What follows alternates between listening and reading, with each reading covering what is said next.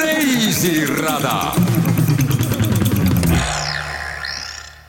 nii, ma vallan nüüd natuke siia vilja sisse. ma isegi ei pea tervet kotti kallama, nagu ma ennem rääkisin, meie eesmärk ei ole mitte palju toota, vaid sellise väikse jahvatamise ja näitamisega veskit töös hoida. et see missioon ikkagi saaks täidetud, et veskik töötaks, mitte ei kuluks oleme mõisnike Middendorfide poolt rajatud Eesti ainukeses veskis, mis täna nagu muiste töötab vee jõul Elva jõel saatejuht Tea Karin tervitab teid saatesse Reisirada, kus astume sisse Eesti lõunaväravast ja reisime mööda Valgamaad. siin selgitab Helle-Norme Veski perenaine Mae Juske kõnekäändu, miks püksid sõeluvad püüli. Hirmu tähendab, et öeldakse, et sellel mehel püksid sõeluvad püüli, siis ta tähendab, kardab, tal kaks jalasäärt värisevad. aga see visuaalne pilt on kõnekäändu võetud kunagi päris püüliveskist. no nagu see siin kaks säärt, mis sõeluvad püüli, aga siis antud juhul mitte hirmust, vaid veearmust. ja selle tulemus siis on erinevad jahusordid. sest näete, siin on neid sõelu üks, kaks, kolm, neli, ma tean, et kaksteist, teisel on kaksteist, kogu kakskümmend neli sõela. ja nüüd siin kaks korrust allpool on valssmasin, rullid, mis muljuvad viljatera puruks. ülevalt tähendab vilja laseme peale need äh, rullid äh, muljuvad vilja, purustatud vili kukub alla. see alumine osa on ühendatud elevaatoriga, mis läheb vilja üles, üleval söölas sorteerivad, jahud kukuvad sealt torudest alla, peegli siia, jämekli siia, manna siia. Ja sealt läbi ei käinud, tuleb uuele lõikusele. ja see masin on toodud siis äh, Šveitsist tuhat üheksasada kakskümmend kaks, minu vana-vanaisa ostis selle just kui äh, suur vahe on kahe kivi vahel, ta saab sellest rullist siis keerutada. Nii et siis, kui me kivi käima paneme, siis üks hüüab lase peale, võta maha, liiga peen. ja siis vastavalt timmime ja siis, kui ta on niimoodi alguses ära timmitud, siis ta jookseb nii kaua, kui talle vili peale tuleb. et äh, kivitöö on natuke teistsugune ja, aga siis on kivi teine lõhn veskis ja. nii ja üks kivi siis, mis te arvate, kui palju kaalub? pool tonni. tonn kuni poolteist öeldakse, aga see oleneb alati kivi äh, läbimõõdust. tegelikult on ka nii, et te näete praegu sellist mustrit siin, äkki panete tähele, et siin on väike triip ka, eks ju, mhm. pikk, väike, pikk, väike, aga on ka siuksed ruudukujulised kivid või mustrid. Ja siis on selliseid hästi palju peeneid äh, triipe. igas veskis või igas piirkonnas võis olla ka erinev kivimuster. Et nii nagu meister tegi, nii oli. mis asjaoludel nii või naapidi, seda kahjuks keegi enam ei räägi. Ja mina ka ei tea seda. Vanal ajal oli peredes palju vaeslapsi või orbe, kellel ei olnud eh, vanemaid ja nad olid kas siis sugulaste juures kostil või, või käisid külakorda ja tavaliselt siis taludes olid käsikivid, sest veskeid igal pool ei olnud päris vanal ajal.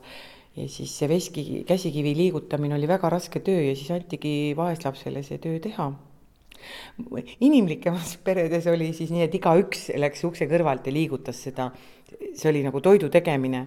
aga, aga muinasjuttudes on jah see, et vaeslaps oli see, kes eh, pidi kodus kõige raskemat tööd tegema, me teame Tuhka-Triinu juttudestki seda ju puruks hõõrutud teravilja ja veesegust kuumadel kividel või tulepaistel leiva küpsetamine oli tuntud juba nooremal kiviajal, mis on aga täna see, mida nimetame mustaks leivaks.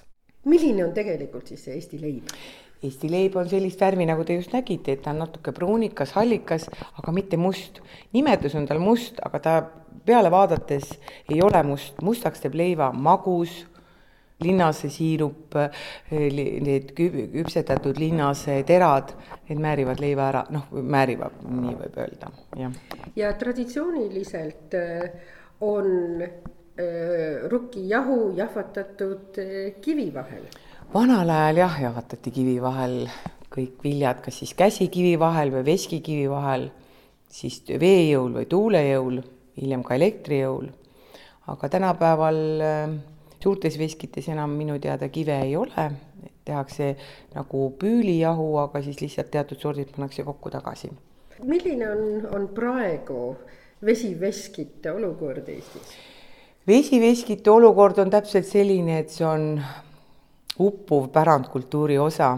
Õnneks on Eestis olemas MTÜ Eesti Veskivaramu, kelle südameasjaks või hooleks on juba viimased äh, seitseteist aastat hoida veskipärandit, süstematiseerida, arhiveerida, ähm, ütleme, meeles pidada jahvatamise protsessiga on seotud ka Mari-Liis ja tema ema Annika.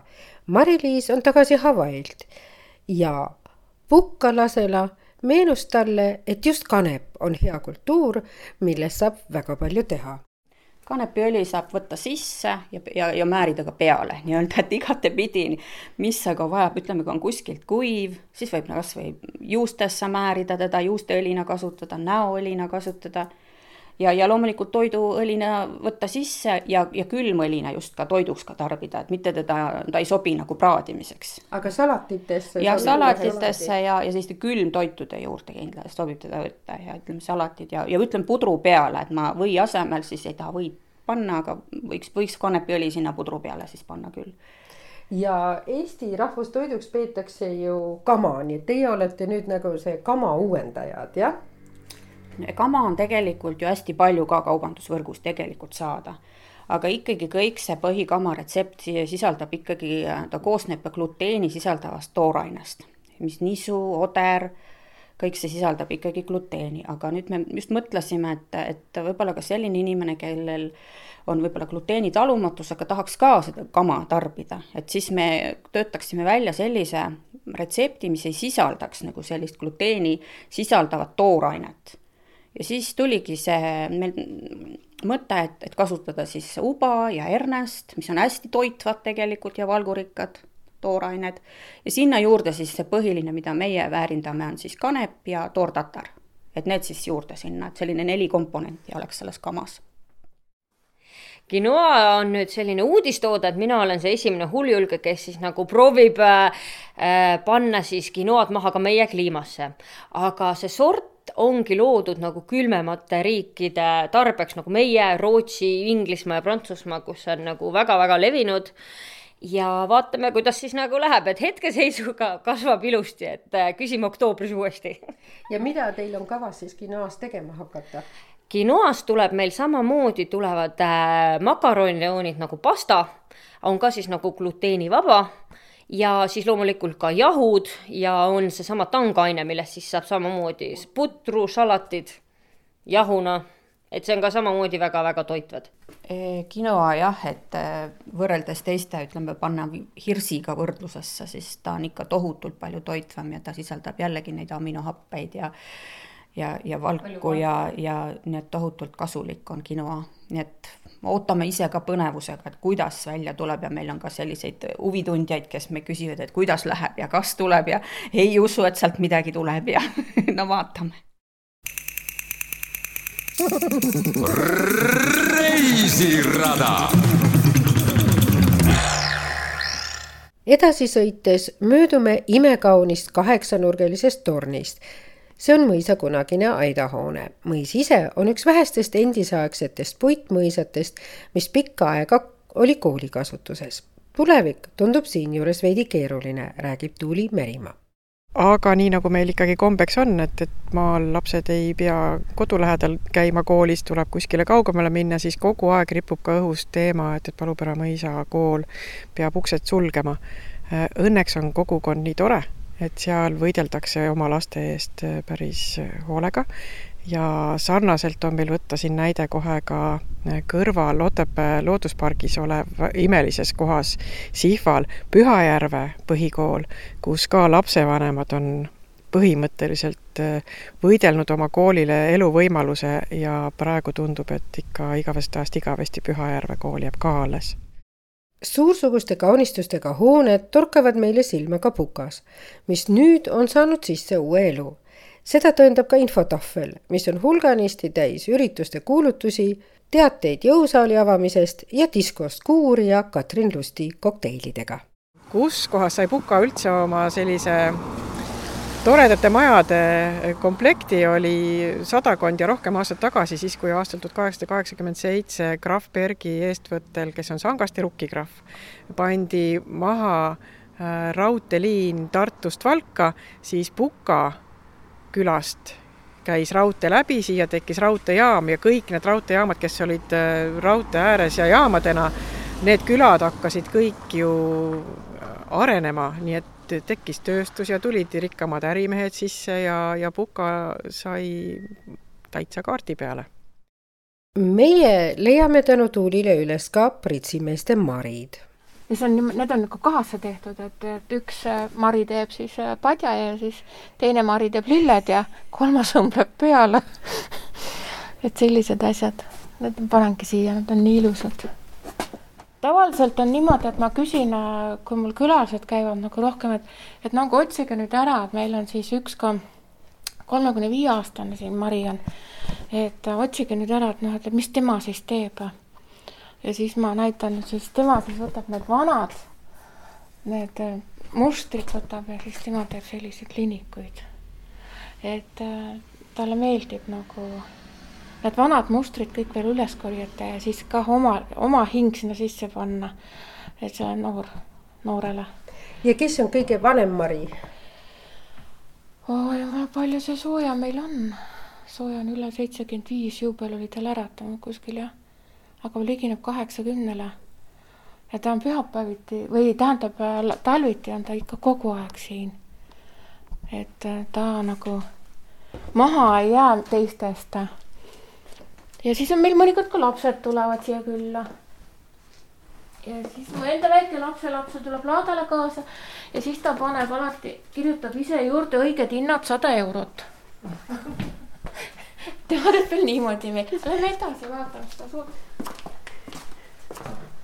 et see on nüüd meie põhituba siin suur, kus nad kõik see rahvas nüüd kokku tuleb, et me oleme praegult uhked, et me saime me oleme saanud nii suure toa endale, et siia mahub nüüd rahvast, et siin me oleme teinud selliseid äh, koolitusi ka, kus on tulnud äh, teised koolitajad. et nii olid, oota, mis nad olid, need unenäopüüdjate koolitus tuli Tartust, siis oli Sõmerpalust tulid küünlapoisid meile, õpetasid küünlat. eriline paik on Kotus hooandjateks siin Rasmus ja Monika, kelle motoks on piirkonna uus logo, üts hää meil on äh, siin äh, naistega, kes me siin vahel nüüd oleme ka köögis toimetanud, selline arusaam, et hargla on maailma naba. ja siis sellepärast, et paremat kohta ei ole. no sama, sama põhimõte, et ma olen siitkandist pärit, kümmekond aastat natuke eemal olnud, pealinnaelu ka elanud, aga tänu Monikale, siis kui ma veel noor ja rumal olin, ülikooli lõpetasin oli võimalus korraks pooleks aastaks maale tagasi tulla, selle kotusega tegelema hakata, see oli siis seitse aastat tagasi äkki juba. ma ei tea, võib-olla tõesti nii palju. ja siis too projekt hakkas lõppema ja siis tekkis võimalus nagu, et saab veel kauemaks maale jääda, ma ütlesin, et jaa, et minule Kivilinn ei sobi. siis ma võtsin sellest teisest võimalusest kinni, et ma tegelesin siis viis aastat siin noortekeskuses aktiivselt noortega. ja nüüd olen siin ja pere on siin ja kodus on peaaegu aastane pisikene kasvamas ja et kõik ta nii läheb, aga see kogukond on, see märksõna kindlasti kogukond, et see emotsioon, kui sa mõtled selle kogukonna peale, eriti nüüd pärast töölaata, et kui meil seitsekümmend, praegu just neid nimesid kokku, seitsekümmend viis inimest erinevat tuli, pani käed kinni, külge. mõni ütles, ma tulen tunniks, ta oli sul kaks päeva seal, et nagu inimesed selle ühise eesmärgi nimel, see on nagu, see on hästi hea tunne tegelikult no häälda. Kotus Uma Üülaat. no väga hästi, perfekt. ja eesti keeles siis Kotuse oma öölaat, et see on meie oma. ja et eesmärk sellel laadal oligi see, et see ei ole kus ma ütlen, tavaline laat, kus sa kõike saad, kõik peab olema tehtud oma kätega või siis väikeses töökojas või pruulikojas kusagil. et siis oligi fookuses oma tehtud toit, oma tehtud käsitöö, õpitoad ja siis, kes soovis siis oma piirkonda nagu tutvustada, promoda oma ettevõtlust, näiteks Filmi Vargamäe oli kohal, pakkus head ja paremat müügiks, aga tutvustas ka enda ettevõtet, enda tegemist. ja mis ettevõte tal on? MTÜ siis Filmi Vargamäe, see on see koht, kus siis põhiliselt filmiti suur film Tõde ja õigus ja siis nad selles peatalu kohas, siis ongi selline muuseum, filmi eksponaadid, teevad seal erinevaid sündmusi, tegevusi, saab seda külastada ja siis tutvustasid seda laialdaselt, see on väga populaarne turismi sihtkoht nüüd viimased kaks aastat on meie kandis, meie Kotuse kandis. et meile Valgamaa reisil jõudu ja energiat anda, tuli Monika Kotuse kööki tegutsema. Tavaliselt tegeleb ta aga kümne asjaga korraga, millest kõige tähtsam külatöö, nagu ta seda ise nimetab meil on ju siin väga kaunis kirik, Vargla kirik, et äh, noh, selleks, et äh, see avatud oleks ja et me, meil seal ka toimuksid need asjad, milleks kirik loodud on ja me nüüd ka tahame neid kontserte rohkem korraldada, saime uue põranda alla ja nii edasi, siis sa pead täpselt samamoodi sinna kogu aeg panustama, et äh, ühe, ühe vana kirikuhoone püsti hoidmiseks noh, on, ma arvan, mina oma eluajal ei jõua seda ringi siin nagu peale teha, et et äh, alustasime sellest, kui põrandast kukkus läbi, et ei saanud enam lahkunuid kirstuga väljagi viia ja, ja, ja nüüd noh, oleme kogu aeg nagu edasi saanud, on ju, aknaid restaureerida ja nii edasi, aga ma ei tea, kunas see ring peale tuleb, et äh, põhiliselt tuleb kogu aeg raha otsida. väga palju on ikkagi inimesi, kes äh, toetavad, annetavad, aga see noh, see kõik, see on protsess on ju, pidevalt peab tegelema. et äh, siis küla heakorrale ikkagi, üldse selle kandi heakorrale me oleme ju palju tähelepanu pööranud, et ikka jällegi paljud inimesed saavad kokku, teevad, koristavad. Rasmusega koos vaatamegi, kuidas see Ütshää paik siis välja näeb. ja selle bussipeatuse stiiliks on siis selline mõnus kodune hubane et siin on sees maalid professionaalsed seina peal, siin on dekoratsioonid, neid lilli on paljud vaatajad käinud katsumas, kui nad jõuavad käega vastu, saavad aru, et see on hoopis maaling. sisse on tehtud diivan koos pingiga et seina peal, et, et siin oligi, liigume sissepoole, et siin oligi ta mitmes osas, et esimene osa oli puutööd, kus tehti siin lille, lilledele kaste ja parandati bussipeatuste, tehti pinke. teine osa oli siis värvimine ja graffititööd, et kus siis äh, anti uus hingamine hoonetele ja graffitiga siis loodi see kaunis vaade, mis siin on. ja kolmandaks osaks siis oli aiandus, et äh, taimede istutamine erinevatesse peenratesse, et äh, sellist külakeskkonda veel põnevamaks muuta. aga kui Hargla sai oma kaks peatust äh, viie päeva jooksul valmis, siis äh, tekkisid teised, et Koikküla noored tegid endale bussipeatusele pingi, et kooli bussi oodates, et kotti peaks maas olema ja teeme ühe peatuse veel tee peal, et Taheva ja Taheva teeristi peatuses on nüüd puukujud uhked, et need on selline turismiatraktsioon, kui mina iga kord sealt mööda sõidan et siis keegi neid pildistab, et siis teeme ühe juures ka peatuse. vaatame jälle läbi kollase raami ja seekord näeme Kaagjärve mõisa. vastu astub mõisaproua Marita Pillaroo, kes oma pere jõududega on andnud hoonele jälle algse kauni välimuse. no meie perekond öö, omab seda mõisa, et öö, ja seal on veel nagu muid seoseid ka, et kui alustada kõige kaugemalt, siis minu ema ja minu tädi, nemad äh, olid siin, nende ema ja isa olid siin õpetajad, nii et nad mingitel hetkedel tuhat üheksasada viiskümmend midagi, elasid siin ja õppisid siin. ja siis mu tädi on siin vist isegi olnud äh, õpetaja mingi aastakese või midagi. ja noh, peale seda nad said siis oma talukoha ja mõis läks siis äh, oh, siit tehti ju kool ja lasteaed ja siin on nagu mitu asja üle käinud. abiks on siinjuures ka kontakt mõisa endise mõisniku perega von Grote. siin seina peal on äh, kunagisele mõisnikule von Grotele kirjutatud äh, tänukiri talumeeste poolt, et äh, von Grote oli ikkagi niisugune hea ja tore mõisnik, kes ei, ei orjanud ja ei peksnud rahvast, vaid ikkagi paistab, et ta tegi midagi õigesti, et talle see suur Äh, ja kaunis äh, tänukiri siis kirjutati talunike poolt. teel Sangaste poole avaldab meie giid ja Pokumaa juhataja Tuuli imestust, et nii imelise mehe nagu krahv Bergi ei ole keegi veel filmimaterjaliks võtnud. tema tõi siia kanti nii esimese telefoniühenduse kui elektri. härra Nikola Tesla, oleksin palunud teie käest konsultatsiooni tahan nimelt oma lossi paigaldada kaasaegse elektrisüsteemi. pika jutu kokkuvõtteks, Sangaste sai omale elektrisüsteemi, mille sarnast mujal ei olnud. Sangaste rukkisort on niivõrd hea materjal, et näiteks äh, õlgkatuseid väga austavad sakslased äh, tunnevad suurt huvi Sangaste rukki vastu just äh, kõrre tõttu ja Sangaste Rukis on Eesti põllumajandusele üks väheseid asju, mis on toonud maailmanäitustelt äh, kuldauarahasid. aastal tuhat kaheksasada kaheksakümmend üheksa sai Graf Berg oma rukki eest äh, Pariisi maailmanäitusel kuldse auhinna ja järgmisel maailmanäitusel Chicagos tuhat kaheksasada üheksakümmend kolm tõi ta taas ära oma kuldse auraha, aga peale selle tõi ta sealt ära veel kahe leiutise eest, mis ta ise kokku pani, tõi ta ära kuldsed aurahad, üks on äh, jahutusvagun ja teine on hellitavalt äh, öeldud ka Bergi, Bergi tsentrifuug ehk siis viljasorteer, mis oli geniaalselt lihtne võrreldes nendega, mis oli leiutatud ja pidevalt umbe läksid. Täna serveerime siis siia, siin laua peal uluki pelmeene, sellel suvel kolis meile uus köök sisse, ehk siis pakumegi äh, ulukiliha. Ja loomulikult käsitöö pelmeenid, äh, Lõuna-Eesti metsade vahelt on üks sokk rajalt maha võetud ja ongi siis pelmeeni sisse pandud, et äh, väga loodan, et teile maitseb ja laua peal on meil laua peal loomulikult, et äh, rukkiterad, nendest ei saa üle ega ümber, et sangaste loss ja rukis käib käsikäes.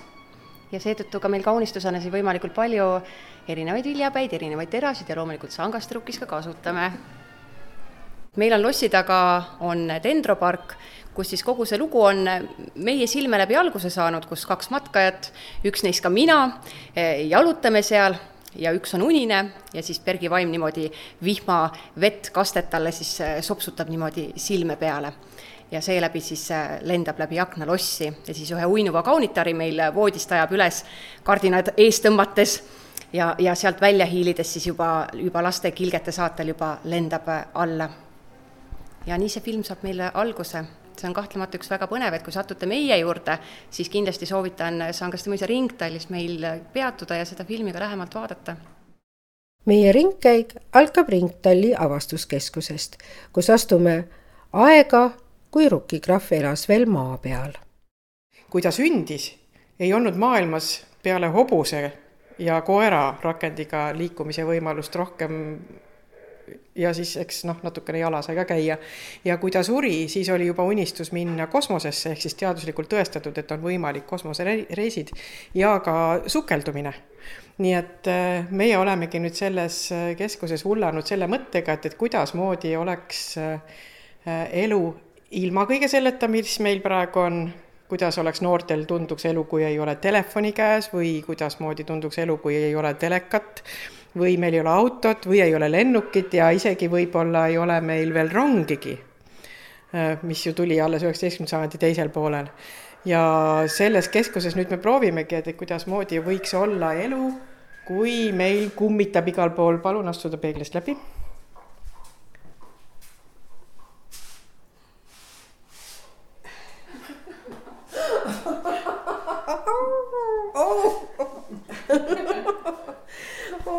võimsal ajal, kui ka Eestis toimus hästi palju, siis meil on nüüd mitte ei ole meil muuseum Rukkikrahvist, vaid meie oleme selles ajas, äh, mis teda ümbritses, näiteks meil on siin need tünnid ähm, Luteri vabrikust. meil on seintel reklaamid, äh, selle asemel, et, et kirurgiliselt sekkuda, võiks panna endale sellise äh, maski pähe, mis tõmbab kortsud ilusasti kukla taha ja siis moodne parukas peale või noh, miks ta ei võikski moodsalt nii olla, või siis näiteks kui juba teaduslikult oli teada, et on võimalik suurendusklaasiga äh, mikroobe suurendada, siis nad võiksid välja näha nii koledad, nagu nad siin praegu pildi peal on ja neid oleks palju lihtsam tõrjuda ekraani pealt, sest nad on ju suured, eks ju. või siis see, et tollel ajal, kui juba teati mikroskoobist äh,, siis kujutati ette tööstuslinna Londoni keskelt läbi voolava Themsi jõe vett vot selliste monstrumitega rikastatuna. et selliseid äh, vahvaid nägemusi tulevikust äh, hakkas tekkima. Ja nüüd WC-s viimane, me oleme praegu WC-s. Ehk siis WC-s viimane asi, mis on äh, selle ajastu selline võtmereklaam on see, et, et ärge ostke kõiki neid dieettoite või dieettarbeid raske raha eest, ostke parem meie steriilselt pakendatud, väga hästi alla neelatavad paelussid. kuhu me oleme praegu jõudnud, Hollywoodis pidi see asi samamoodi käima tänapäeval. loss ise võlgneb legendi järgi oma olemasolu krahv Friedrich Bergile noorpõlves osaks saanud solvangule. nimelt olevat ta Inglismaal ühe krahvi tütart kosida püüdes saanud loodetud äiapapalt vastuse mina oma tütart metslasele Venemaalt ei anna. olles Inglismaal näinud Windsori ja Balmorali lossi, andis ta Eestis tagasi olles oma lossi ehituse arhitekt Otto Pius Hippiuse kätte kunstiteadlase Leo Gensi sõnul kujutab loss vaheetappi klassitsistliku mõisahoone ja kodanliku individuaalhoone vahel. ja tollel ajal oli ka tore komme oli rikastel see, et mitte ei toodud meeneid, no võib-olla toodi ka meeneid, välisreisidelt, aga toodi ka midagi toredat, mis oli nähtud ja mis meeldis oma ehitistesse juurde. ja nii ongi, meie lossis on siin Polmeroli mõisast, Alhambra mõisast, Tallinna vanalinnast, Mustpeade majast mm, ja erinevates kohtades, kus on vähegi midagi meeldinud, on, on kokku toodud siia ehitusse. veel üks näide siia juurde on, et meie pallisaal on Vana-Rooma stiilis, aga härral tuli mõte ehitada oma lossi pallisaal Vana-Rooma stiilis, olles Egiptuses Türgi saunas.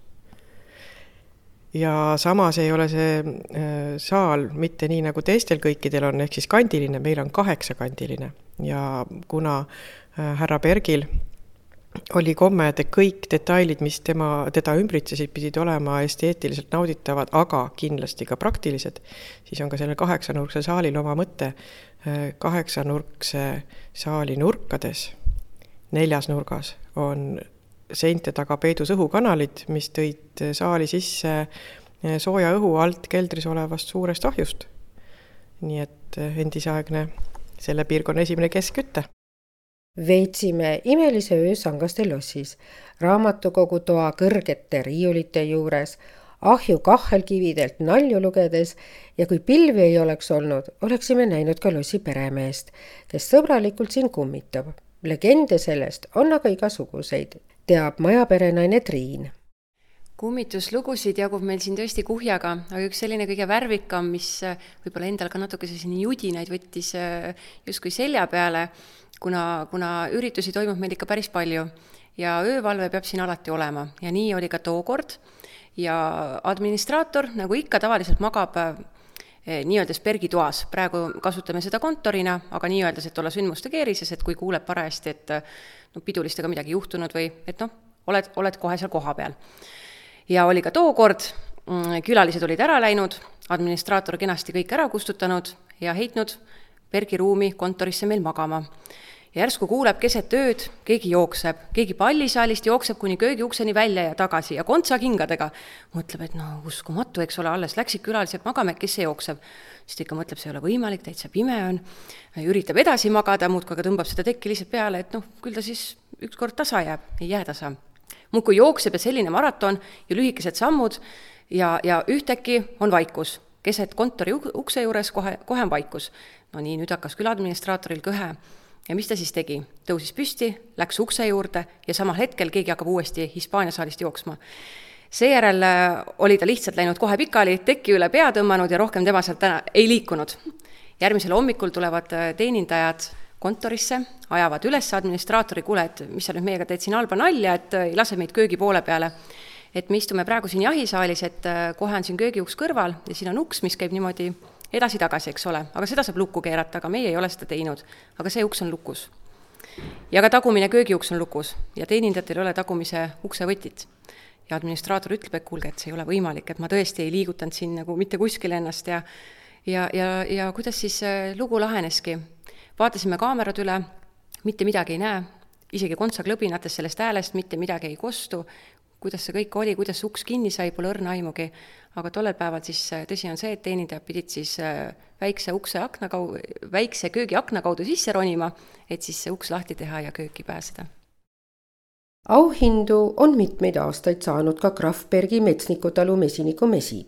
südamega ja hästi tehtud, ütleb mesinik Rein Männiste selle kohta. aa, ei, mina olen siiamaani sündinud nii-öelda põhimõtteliselt sinna see on äh, Bergi, Bergi metsavahi kordon või, või selles mõttes metsatööliste majaks ehitatud, mu vanemad tulid tegelikult siia nagu metsnikeks kuuekümne kuuendal aastal, siis mina nagu sündisin juba siia. ja siis mingil ajahetkel äh, tuli kellelgi mõte, et igas metsamajandis võiks nagu mesil olla ja ja Sangaste, Valgamaa metsamajandis siis tehti see mesila Sangastesse ja siis sunniti mul vanemad nii-öelda isa algselt nii-öelda mesinikuks, kuna ta oli üldse kunagi mesilasi näinud nii-öelda. ja, ja siis äh, eks mu lapsepõlv siin mööduski mööda neid äh, mööda neid mesitarusid ja puid äh, sülemeid alla võttes nii-öelda, siis ma olin päris kindel, et minust nagu mesinik kindlalt ei saa, aga et elu läks teistpidi ja nüüd ma olen juba kolmekümne neljas hooaeg nagu läheb, et. aga mis selleks ajendiks siis oli, et ikkagi mesinik sai? no enda laiskus vist, et midagi muud paremat töökohta leida, ma arvan, mis see muu ikka oli, et et see oli hea, mugav elu, Vene aeg oli eriti mesiniku mugav ja hea ju. ma alustasin nii-öelda nõukaaegu selle mesindusega. et siis äh, põhimõtteliselt kõik sul tööd, mesi viidi minema, ise ei pidanud müüma, talvesöödad kõik toodi kohale, inventar, asi ainult mesindad ja teed ja nüüd võin Lihtne. edasi laiselda, sest mesilased teevad metsas töö ära ja mesi saab jälle auhinna ja. et ta päris nii ei ole, et nüüd laisenda saab, et nüüd on, tööd on järjest rohkem kogu aeg, et. et nüüd sa pead absoluutselt kõiki asju tegema ise, eks ole, turundama, müüma, ravima, absoluutselt kõiki asju tegema, et. et sellepärast tööd on hulka rohkem kui varem ja ilusatelt kollastelt mesilastelt, kellele Rein hüüab tööpäeva alguses tervist, tüdrukud, on palju õppida Nad teevad hoopis äh, paremini asju, kui meil nagu absoluutselt täieslik ühiskond seal, et äh, igal äh, teatud vanuses, iga, igal mesilasel on oma kindel töö, mida ta peab tegema ja ta teeb seda vastu nii-öelda sundimata nii-öelda, oma loomulikust tahtest nii-öelda. Et kõik on organiseeritud, kõik on täpselt, käib vastavalt reeglitele, seal ei ole mitte midagi eriti juhuslikku nii-öelda, et et meie ainult oma oma vahele segamisega mõtleme, et me teeme asja paremaks, aga tavaliselt tihtipeale me teeme hullemaks tegelikult, et et metsast on väga palju õppida tegelikult. Tuuliga mööda Valgamaad edasi reisides arutame ka tänast minu jaoks segast olukorda, mis vald ja paik nüüd kuhu kuulub. tihti öeldakse, et Valgamaa ei ole nagu suurt midagi erilist, vastupidi, Valgamaa on kolm korda eriline, sellepärast et meil on siin kolm tõmbepiirkonda, üks on Tõrva ümbruse mulgid, teine on Otepää ümbruse kõik see vana ajalugu ja sport ja kuplid ja, ja kõik see sügavus. ja kolmas osa on, on Valga ja selle ümbruse ähm, Karula näiteks, mis on hoopis-hoopis kolmas eraldi maailm, nii et äh, meie jaoks erinevus rikastab. On palju huvitavam kui üks mingi konkreetne piirkond, kellel on ühtemoodi nägu. ja ajalooliselt on olnud Otepää piirkond kuni Sangasteni on olnud Tartumaa üks osa nii et äh, vägivaldselt kokku pandud üks suur maakond äh, on kolmest täiesti erinevast rahvakillust.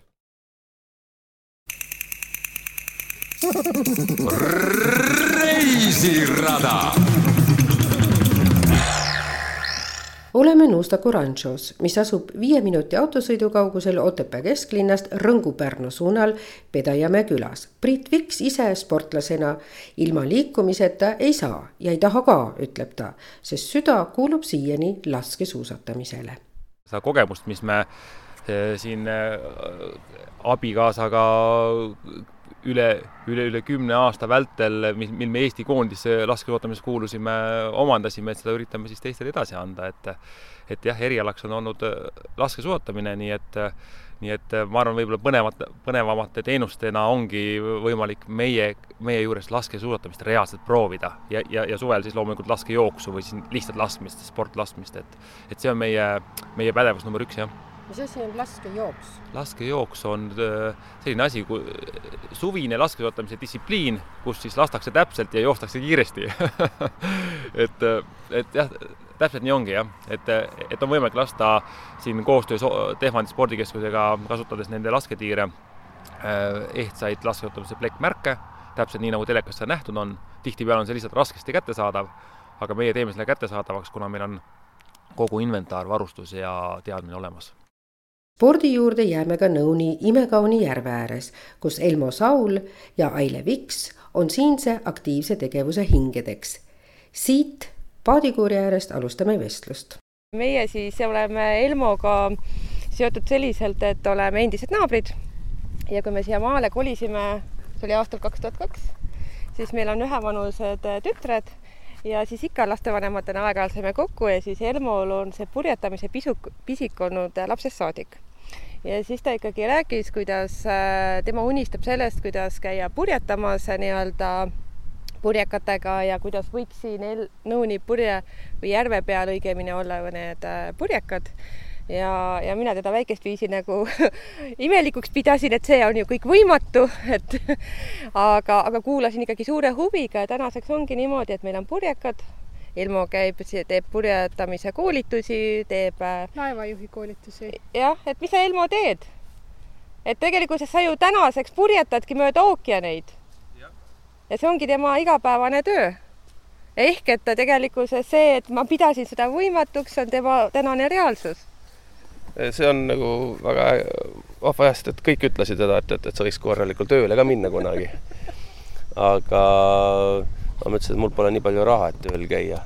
et äh, purjetamiseks on aega vaja ja aga mõnikord saab hobist töö niimoodi, et äh, purjetamisega on võimalik täitsa leib lauale saada, et et sellised jah, koolitustripid, mis toimuvad nagu Kanaaridel või, või, või Horvaatias ja ja see pikemaid ja lühemaid ookeanisõite, aga Kodujärvel täpselt samamoodi. kuigi Kodujärvel see laste treenimine on, see on puhas hobi, et et äh, aga noh, ma tean, et siit on mitmed täiskasvanud inspiratsiooni saanud, Aile, aga siin on ka äh, ma tean veel päris mitu nõuni inimest omale suisa mere äärde purjelaevad ostnud. jaa, kusjuures see on täiesti õige, et tänaseks on äh, tean ühte inimest, kes on tõesti Pärnusse ostnud endale purjelaeva. kaks on neid. isegi kaks mm, -hmm. ja just, et, et uskumatu, kui see ka ei ole, et Lõuna-Eesti inimesed siis on merel.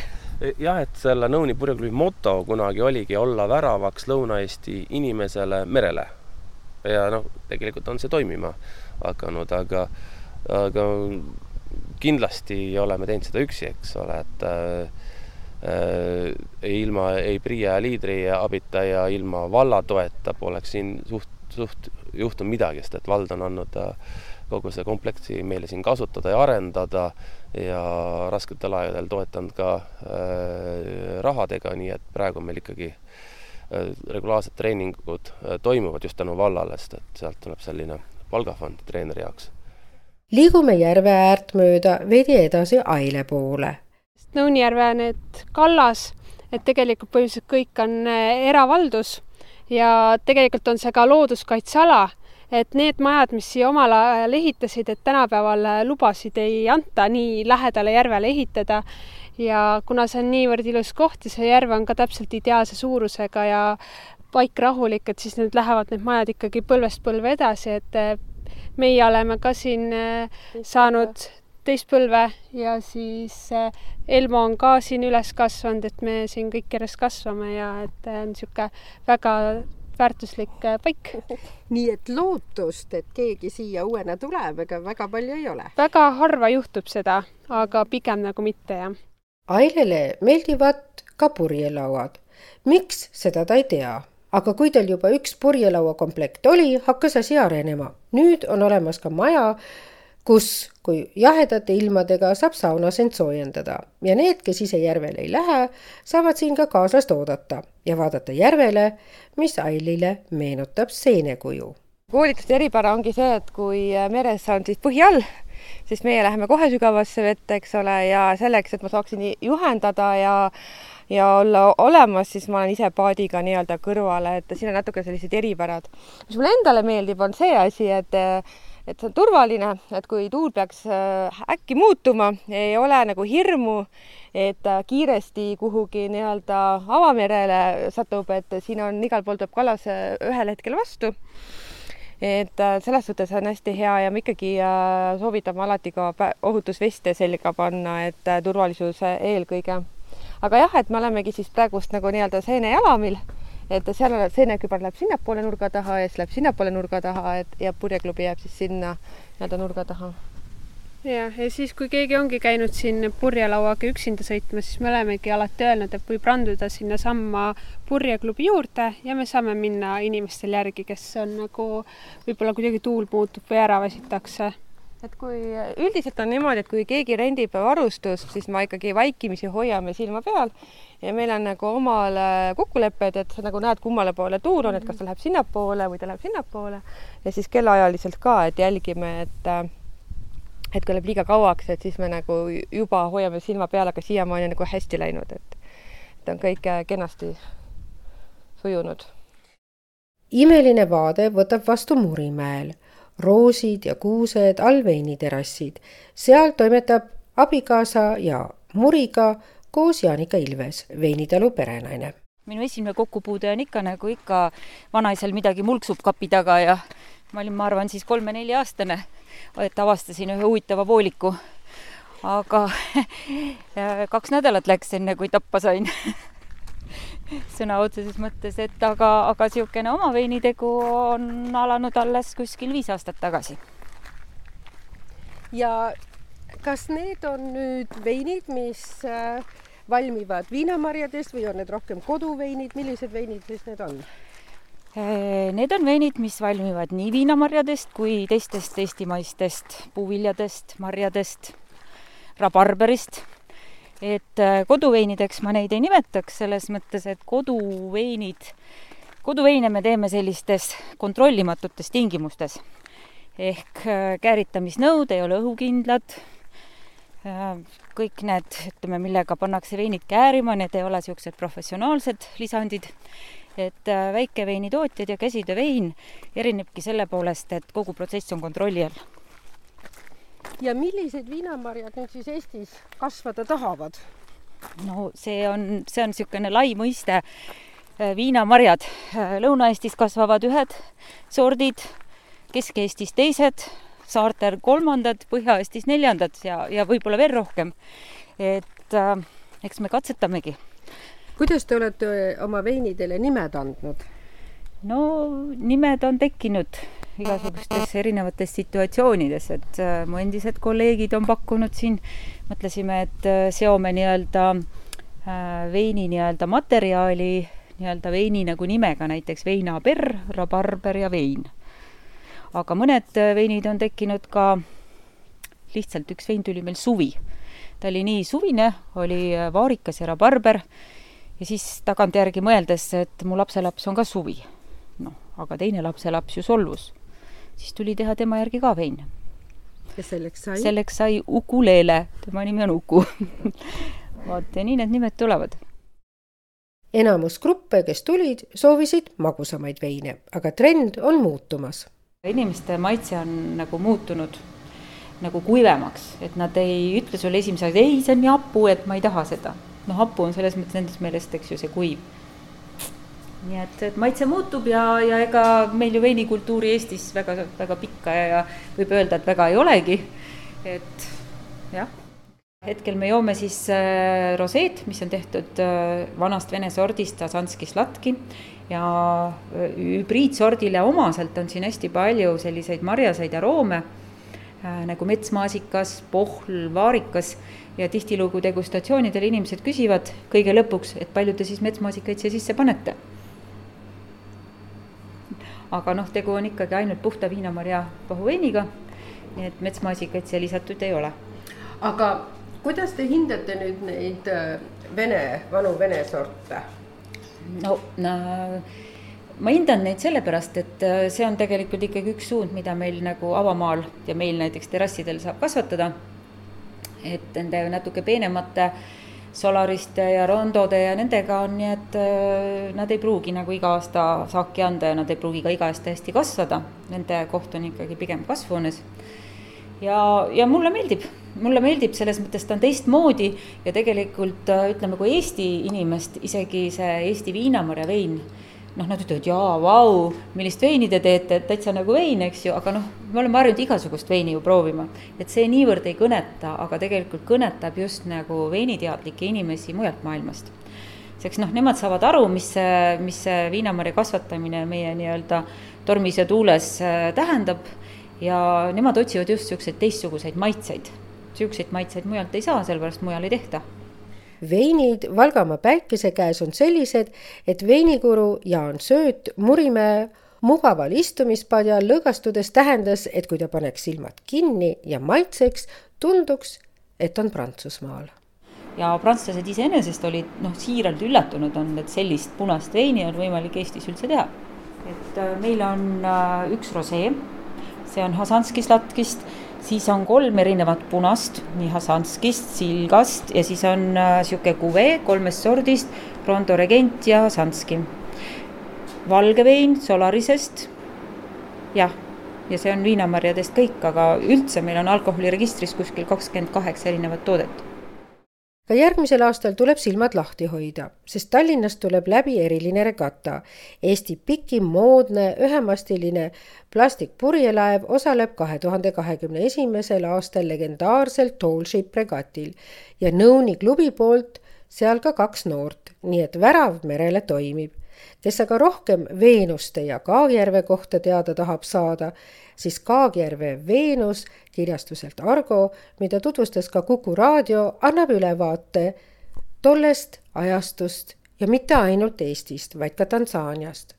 Otepääl toimub aga jooksutuur juba kuuendat korda. eriolukorra tõttu kahekümne esimesest kahekümne kolmanda augustini.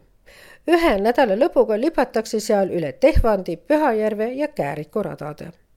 Üks ainulaadsemaid rahvusvahelisi militaarajaloo festivale toimub Valgas, samuti augustikuu teisel poolel, koos näidislahingutega ja sõjameeste marsiga läbi linna. saate tehnilise külje eest vastutas Veiko Rebane, saatejuht Jaak Arin annab kaasa soovituse, proovige tavalise kama juurde ka kanepilisandeid.